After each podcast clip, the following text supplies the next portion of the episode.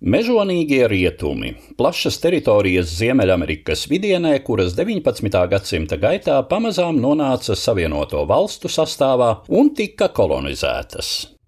Tas bija gadu desmitiem ilgs process, kura laikā šeit veidojās īpatnēja vide, kas atstājusi neizdzēšamas pēdas Savienoto valstu un visas pasaules vēsturiskajā atmiņā, literatūrā, kino un citos mākslas žanros. Tās neatņemams elements ir uzņēmīgi dēkaini, kuri nevienmēr draugos ar likumu, taču allaž prot aizstāvēt savas intereses, godu un principus ar revolveri rokā. Šai bilžu galerijā ir arī dažas sievietes. Viena no viņām - Pērla Hārta, izpelnījusies skaļu slavu ar dalību pasta diližansa aplaupīšanā Globas pilsētas apkaimē Arizonā 1899. gada 30. maijā maijā. Pērla Hārta, meitas uzvārdā Teilore, nāca pasaulē Kanādā, vienā no Ontārio provinces mazpilsētām, respektablā vidusšķiras ģimenē. Kā daudzas jaunas dāmas šai laikmetā, viņa agri apprecējās, taču vīrs, Frederiks Hārts, izrādījās pļēgurs, kāršu spēlmanis un varmāka.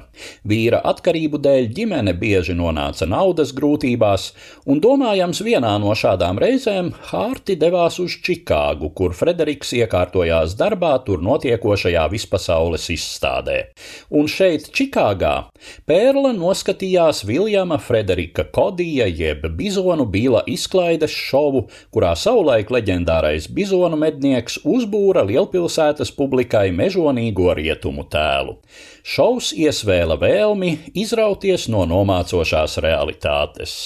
Pērla pameta vīru un devās Amerikas plašumos, galu galā nonākdama Arizonas štata lielākajā pilsētā Finiksā. Taisnību sakot, ar vecajiem mežonīgajiem rietumiem tobrīd jau bija cauri. Kolonizācijas process visumā bija noslēdzies. Nekādas aizraujošas perspektīvas 22 gadus veco sievieti šeit negaidīja. Vēl vairāki gadi pagāja mēģinot salāpīt attiecības ar vīru, kurš arī pārcēlās uz Arizonu. Pārim piedzima divi bērni, kādu laiku attiecības it kā sakārtojās, taču viss beidzās ar to, ka šoreiz Frederiks sievu pameta iestādē iestādamies armijā. Pērlas atvases tika nodotas viņas vecāku gādībā, jo jaunā dāma bija aizgūsi no vīra tieksmi uz alkoholu, tabaku, un vispār dzīve rāmajā Kanādas provincē viņai vairs nebija domājama.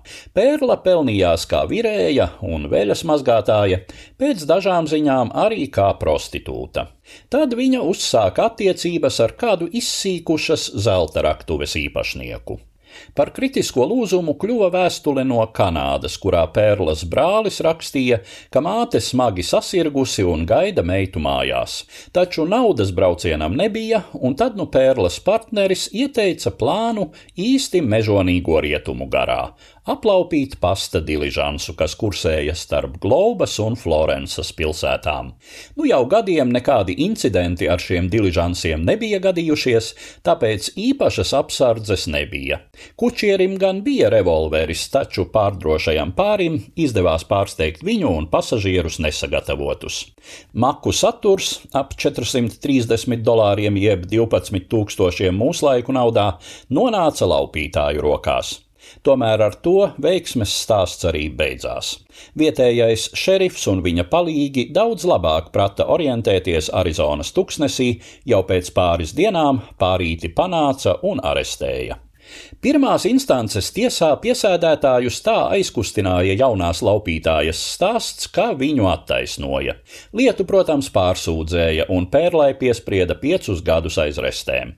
Viņas pārinieks dabūja 30, taču jau pēc pāris gadiem no cietuma aizmuka. Savukārt Pērla kļuva par īstu slavenību Jūmas apgabala cietumā. Teju katru dienu pie viņas ieradās žurnālisti un fotogrāfi, lai uzklausītu simpātiskās noziedznieces stāstus, un viņiem bija ļauts gan intervēt, gan fotografēt.